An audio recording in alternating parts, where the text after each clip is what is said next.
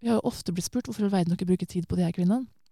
Og når det her kommer ut i liksom et sånt uh, frie sosiale mediedebatter, så kommer jo det her hånet for denne gruppa ganske fort fram. Både hånet for materialet generelt, med liksom å si uff, de her kvinnene som er opptatt av uh, det her øko, økoforbruket, eller det etiske forbruket, og autentisitet, og det blir fort liksom uh, dratt ned i søla og hånliggjort.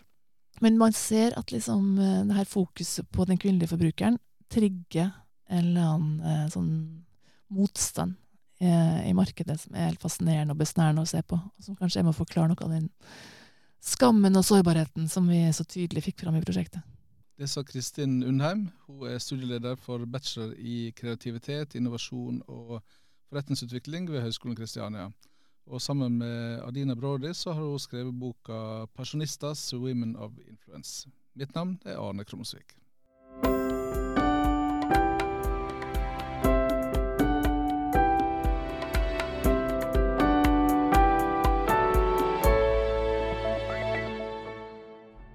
prosjektet starta vel med at vi har jobba lenge med eh, forbrukeranalyser av ulike segment. Eh, og etter hvert spesielt eh, kvinner, i forbindelse med Adina sin jobb, eh, på det tidspunktet som var i alder med stort ansvar for eh, kvinnelige lesere, å forstå det. Og så um, jobba man ut en del analyser på de, og så fant man etter hvert et segment som uh, var både litt vanskelig å forstå, og også litt uh, som det fantes ganske lite litteratur på, nemlig høyt utdanna kvinner i storby.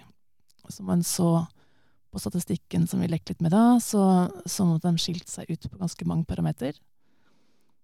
Og så så man at i litteraturen så fant man i ganske liten grad på en måte det her uh, skillet noe særlig tydelig. Og i populærlitteraturen, eller liksom businesslitteraturen, blader og magasiner generelt, så var det her en gruppe som var stort sett håna, hvis de liksom skrev om um, enten det var forbruksvaner eller det var uh, Deres posisjon i samfunnet var ofte omtalt særdeles lettvint og uten noe særlig dybde. Hva som er grunnen til det? Ja, Det er vanskelig å si, da. Men eh, jeg tror det på mange måter har vært et fenomen som har vært litt oversett. Eh, man har sett på liksom kvinner den kvinnelige forbrukergruppa som én stor sekkepost, på en måte, uten å grave så mye dypere i det. Fra min verden så kommer jeg fra en verden som har sett mye på ledende brukere innenfor mange ulike kategorier. Jeg jobba mye med det som kalles trendanalyse. Der man prøvde å se på hvilke forbrukergrupper det er som ligger i ytterkanten av kulturen. og på en måte å pushe grensene for eh, hva de tenker, hva de gjør. Adopsjon av nye vaner f.eks. skjer raskere i liksom, utkanten av eh, forbrukermassen. Så jeg var jo vant til å ha det blikket med meg når jeg analyserte. Så når man putta det blikket sammen med de her kvinnedataene, eh, så fant vi et interessant mønster. Og jeg tenker at hvorfor det ikke er sett tidligere jeg ofte har Hele det blikket med å se på ledende brukere har egentlig vært undervurdert generelt sett, tror jeg. Det er mange Og jeg er så vant til å være opptatt av representativitet. Og det eh, Enhver markedsavdeling som du møter, er ganske opptatt av å se om er det her dataene våre representative, og det har vært på en måte en slags sånn statusmarkør, på en måte, for å si godkjentstempel analysene man hadde også. Si at det her er gjort tusen gjør tusen. Men hva er, en, hva er en ledende bruker? En ledende bruker er en som eh, ligger foran i brukermønsteret. La oss ta teknologi, for eksempel, da, som er en tidlig adoptør på teknologi. Eh, som har stort behov for teknologien i sin hverdag, og som også føler på behov før andre. Det er en del sånn Eh, flere parametere enn det, men, eh, men det er en av grunnparametrene på det. Er det en slags da, first mover? på En måte? En slags first mover. Mm. Så hvis du som um, markedssjef, innovasjonssjef et sted, er opptatt av å se som, hvilke behov er i vekst, så er dette gruppa en interessant gruppe å følge med på. Sånn, sånn blir det andre etter hvert? Ja. Det er ikke en så klar trickle down-effekt, men det er i hvert fall en mulighet for å se um, at du ser behov der ute uh, før du ville ha sett det hvis du var så utrolig opptatt av det representative. Så um, det, det, jeg, det, er kanskje svaret på det første spørsmålet ditt, men hvorfor har den vært så liksom, sett bort fra? Et av svarene på det er i hvert fall at man generelt sett ikke har sett så ofte på de her ledende gruppene. Fordi man er så utrolig opptatt av gjennomsnittet, hva folk liksom Er det her gyldig for alle? Og idet man er opptatt av gyldig for alle, så forsvinner jo de her mikrohistoriene som ligger mer ute i periferien. Men hvis man er opptatt nettopp av å se på en måte innovasjonspotensialet, se mulighetsrom, så er jo de her gruppene kjempeinteressante. Og så tenker jeg òg at eh, kvinner og forbruk har vært en veldig sånn stereotyp kategori generelt, som et ekstra lag og en ekstra grunn til at man ikke har gått i dybden på det. Det hører jeg jo bare i forbindelse med prosjektet her, når vi har sagt i fem år at vi driver med et stort bokprosjekt der vi skriver om kvinner og forbruk, så er det første spørsmålet liksom hvorfor all verden det? Og gjerne med et eller annet lag av eh, arroganse i seg, der man tenker at det er en særdeles unyttig gruppe å se på. Og det hører vi jo også gjenspeila i intervjuene, at kvinnene selv er veldig, når vi spør dem om forbruk, forbruksvaner, så er det en veldig intim problemstilling, og føles så som en problemstilling der de er veldig opptatt av å ikke bli tatt på noen ting. Fordi de føler seg veldig stereotypisert. Men jeg trodde det var kvinnene som eh, tok veldig mange kjøpsbeslutninger, sånn at markedsførere var veldig opptatt av å nå det? Jo, det har de jo ofte vært. Altså Kvinner generelt er vi jo absolutt enige om at de er, har vært en viktig gruppe for markedsførere generelt. Og den historien er jo en stor historie som går på alle svære konferanser om hvordan kvinner tar 80 av beslutningene i hjemmet. Nå skal det sies at akkurat det tallet har vi også gravd en del i. Eh, og det er en sannhet med modifikasjoner. Er ikke det heller sant? Nei, det er heller, heller, ikke sant. Men det er en historie som man på en måte nesten er redd for å ta bort, for det har jo vært litt sånn den store kvinnefrigjøringshistorien, å si de har i hvert fall makt over forbruket. Om de har ikke så mye annen makt, men i hvert fall den makta. Um, og det er stort sett et tall som er basert på amerikanske data, og som det nesten aldri er stilt noen spørsmålstegn ved. Det presenteres bare som en sånn sannhet, på en eller annen måte. Men hvis du går ned i forskjellige forbrukerkategorier og ser på hvor sant det her er, um, så finner man på noen kategorier så finner vi liksom et 60-40-skille, f.eks. Um, og på andre kategorier så er det helt jevnt. Altså Ideen om denne forhandlingsfamilien er utrolig sterkt i det nordiske klimaet. Og det, derfor er det kanskje ikke så rart at den sannheten ikke er så tydelig her. Men det er ikke en historie som de fleste ønsker å høre. For alle har lært seg det at på Max er det egentlig kona som tar avgjørelsene. Og det var en trolig Det var så lettvint historie å være i. Hva slags uh, type beslutninger er det da som er typisk kvinnebeslutninger? Ja, bare, Hele prosjektet er jo ikke skrevet som en sånn kvinne ja, versus sånn mann. Det. det. er jo ikke skrevet som sånn Venus versus Mars, som ofte har vært liksom premisset i alle diskusjonene om kvinner og forbruk. Man har gått inn eh, på kvinnene selv og sagt liksom, nå skal vi prøve å beskrive dere som gruppe. Og vi skal beskrive nettopp denne gruppa som har fellestrekkene, at de har høy utdannelse, og de eh, bor i storby. En av grunnene til det var jo også fordi vi var spesielt interessert i denne um, ledende gruppa, eh, og vi vet at det er flere av den type brukere i storby, generelt sett, både blant kvinner og menn. Um, og så har de fulltidsjobb, uh, som har vært et viktig parameter. For hvis du ser på den kvantitative statistikken, så er det store forskjeller i det du tar med og uten fulltidsjobb. Da Botox-andelen er veldig forskjellig, f.eks. For Hvor mye? Fortell litt mer om det. Men en del type forbruksmønster som handler om liksom, det som ofte blir håna ytterligere, den ytterst bitte lille gruppa, som er også ganske vanskelig å fange kvantitativt, som har høy utdannelse og ikke er i jobb. Um, vi har skrevet mye om i sånne små intervjuer i DN, men det er en særdeles mikroskopisk gruppe, og ikke representativ for liksom kvinner flest i denne gruppa. Dere har kalt boka deres for 'Pasjonistas'. Det gir et lite signal, men fortell mer om hva som ligger i det. I det ligger det um, en beskrivelse av det her segmentet som et segment som er utrolig lidenskapelig opptatt av det de gjør. Og det er en av de tingene man finner veldig tydelig i materialet, både i det kvantitative, men også i det kvalitative intervjuene. Boka er basert på 503 intervju. Og det er egentlig bærebjelken i boka. Man har brukt, uh, vi har fått tilgang på Kantar sine data kvantitativt for å beskrive dem, uh, som har vært utrolig nyttig. Men dybden i det ligger jo i intervjuene med dem.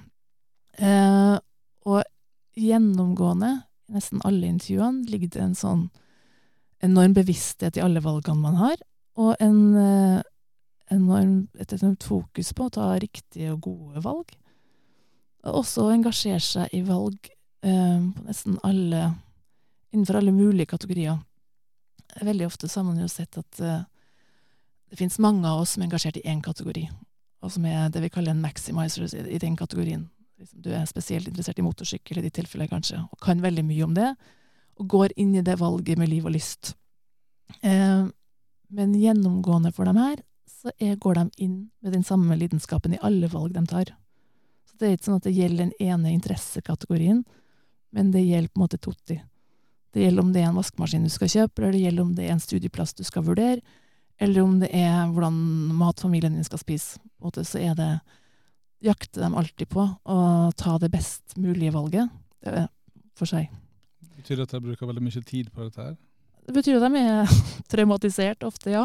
Det er mye forskning på maximizers og satisfizers som ofte da kjennetegnes av de andre som jakter på noe som er godt nok. Og de her er utprega maximizers. Vi har òg scora alle vi intervjua på en sånn skala, og de slår igjennom skalaen på å være en maximizer. Eh, og det ja, er tidvis fryktelig slitsomt, ja. Og det er noe man også hører gjennomgående i intervjuene. At det kan tidvis være slitsomt, men man opplever ikke at det er et stort valg. Man føler at det er Det er sånn som når de er på tur, så, så bestemmer de seg for restaurant etter restauranten er stengt, på en måte. Ja, eller de gjør jo ikke det. De har jo planlagt for lengst før de dro på den turen, hvilken restaurant de skal spise på, hvilket bord de skal sitte på, hvilken mat de skal spise, og sjekka ut hvilken kokk som er på jobb når. Det er bra å dra på tur med. Hvis du, det er jo sånn, altså I boka har jeg brukt det sitatet òg, men når man spør liksom eh, Vi intervjua en på en restaurant og spurte litt sånn Flaks at vi fikk bordet her, og hun så på oss litt sånn Flaks? Jeg hadde ingenting med flaks å gjøre. Det her var godt planlagt.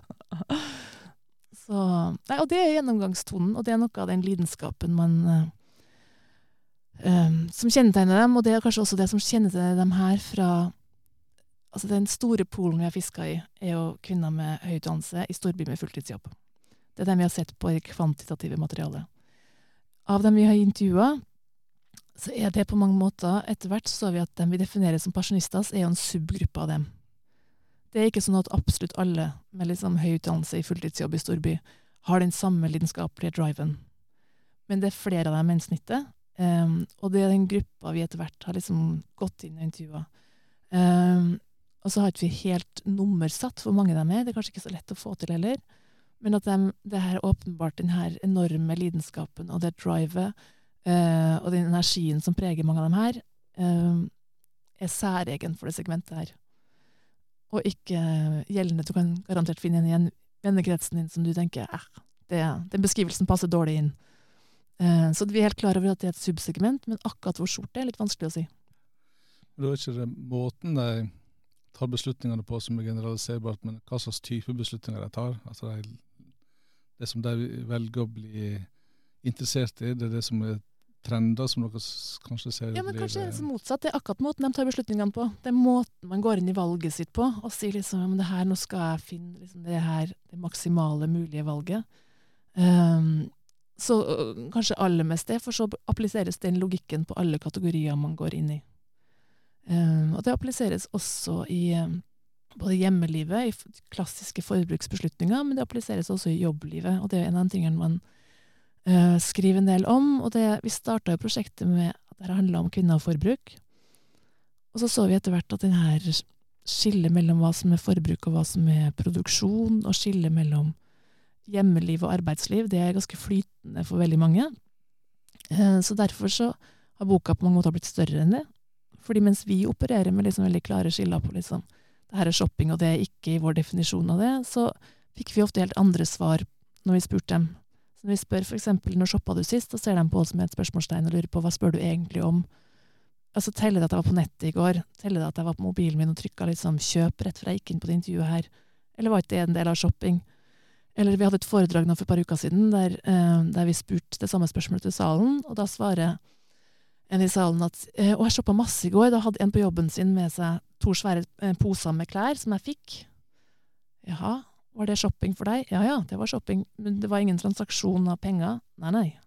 Så skjønner, så, sånne begrep på en måte Man innså at hva shopping og forbruk er, er flytende. Eh, hva det er ikke tatt for gitt at de her prioriteringene du har i forbrukslivet, er helt fristilt fra det som foregår i resten av livet ditt. Kanskje er det en ganske flytende overgang.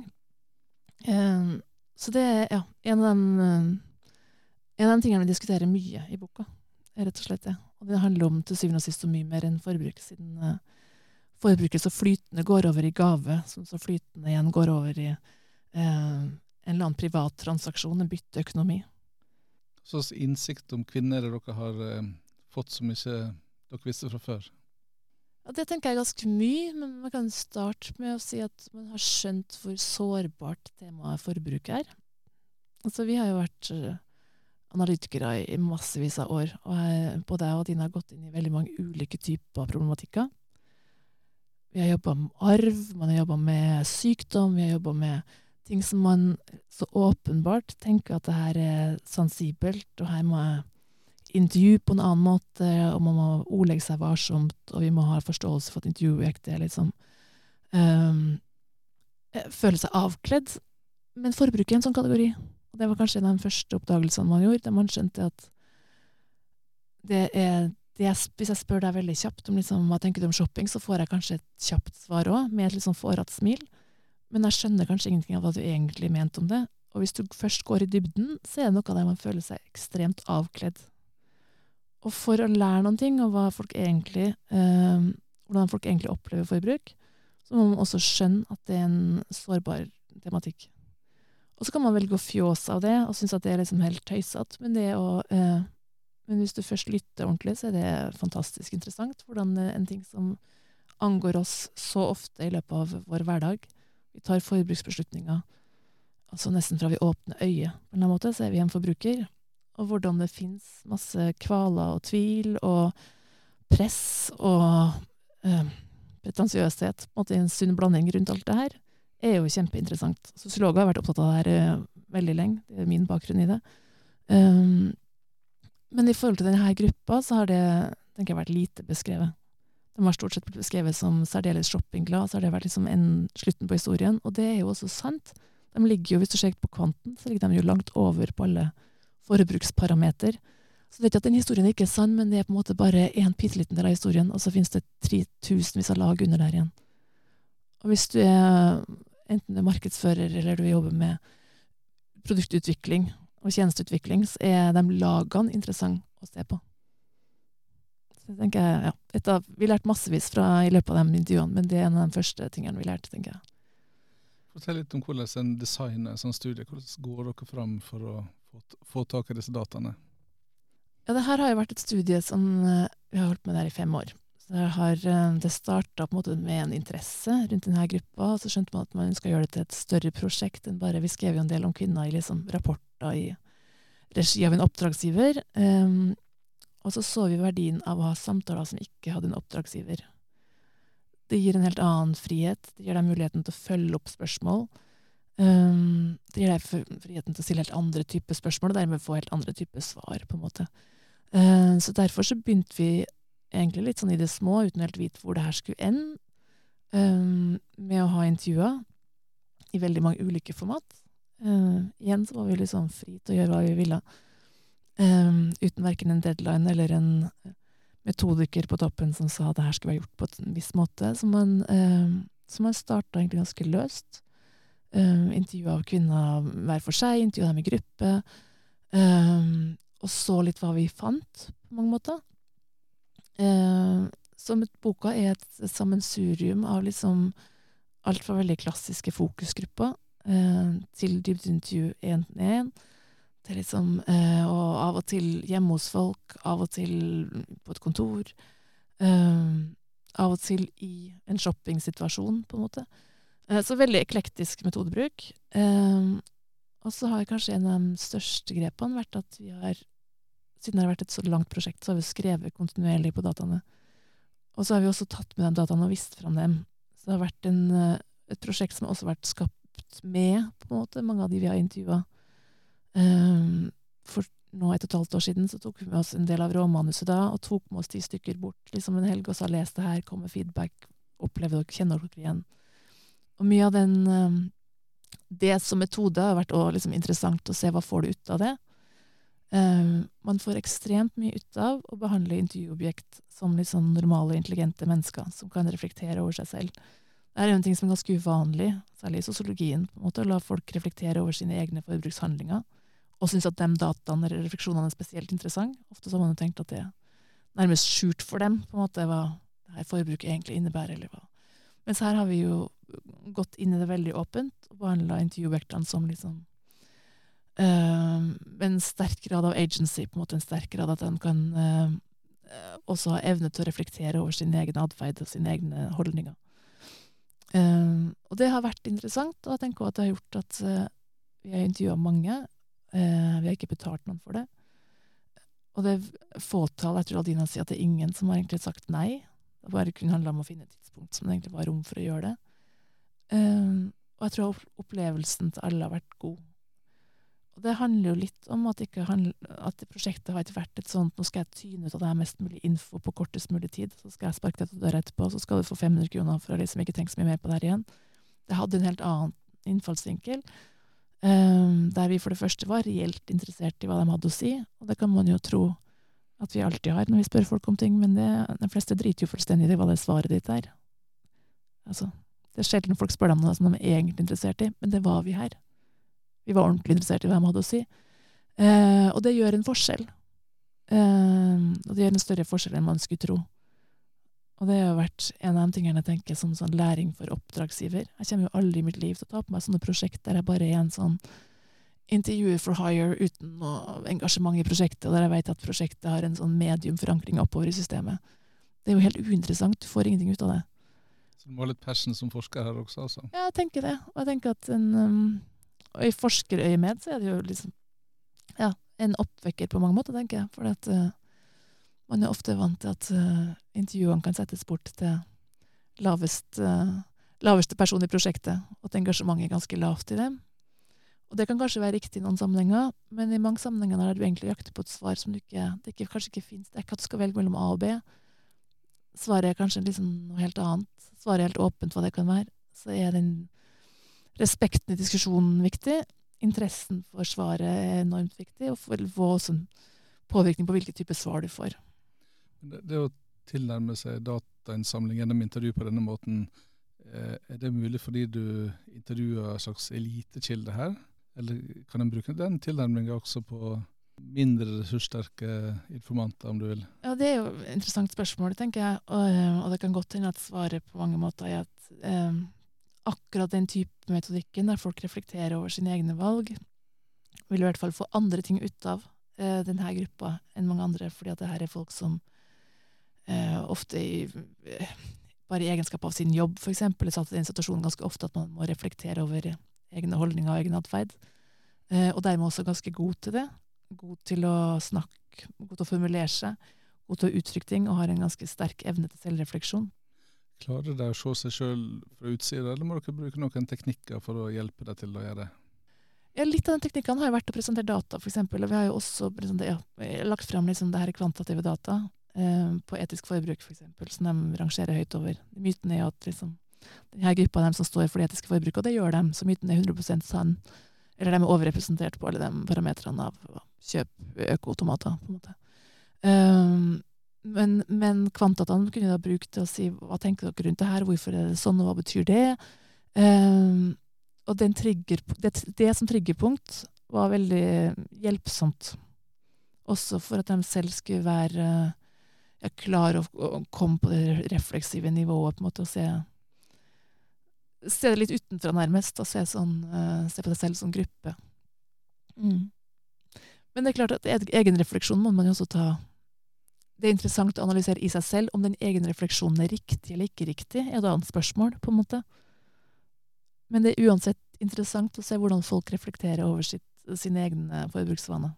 Får du svar på hvordan eh denne gruppa egentlig er, eller får du svar på noe annet når du ber deg om å reflektere? Tenker at vi alltid i livet får sikkert en blanding, da, på en eller annen måte. Både hvordan de ønsker å fremstå, og hvordan de, hvordan de ønsker å være, hvordan de er. Og det er kanskje en mors av dem to. Um, men jeg tenker at man med denne gruppa også har lært interessante ting, ja. Man har lært f.eks. ganske mye om hvor uh, utfordrende hele det etiske forbruket for eksempel er. Um, og det kan man, På måte da? Jo, altså, man er fullt klar over at ikke man redder verden med den økonomatkjøpet, på en måte, men, uh, men, likevel, uh, men, likevel, føler man at uh, kanskje jeg burde forsøkt, og hvis ikke jeg gjør det, så hvem andre gjør det? Jeg har i hvert fall råd til det. og kanskje kan hjelpe Jeg vet at forskninga er veldig dubious på hele tatt om økologi er, faktisk er bra for jordbruket eller ikke. Altså Man kom inn på liksom hele den Man fikk en innblikk i deres resonnerende seg. Uh, så ja, nei, det ga, det ga mening, og det ga innsikt, ja, tenker jeg. Så vi er fullt klar over at ikke vi alle er liksom den beste analytikerne av oss selv. Uh, Men det gir i hvert fall en annen vinkling enn at man kun satt med liksom forskerblikket og holdt seg helt uh, og tenkte at jeg skal være den allvitende på en måte analytikeren av deres vaner, og hvorfor de er sånn. Så tenker jeg at det ga en større dybde til prosjektet, at også de fikk være med og reflektere over egne valg. Hva sannheten er, er jo kanskje et sted. Kanskje imellom der et sted.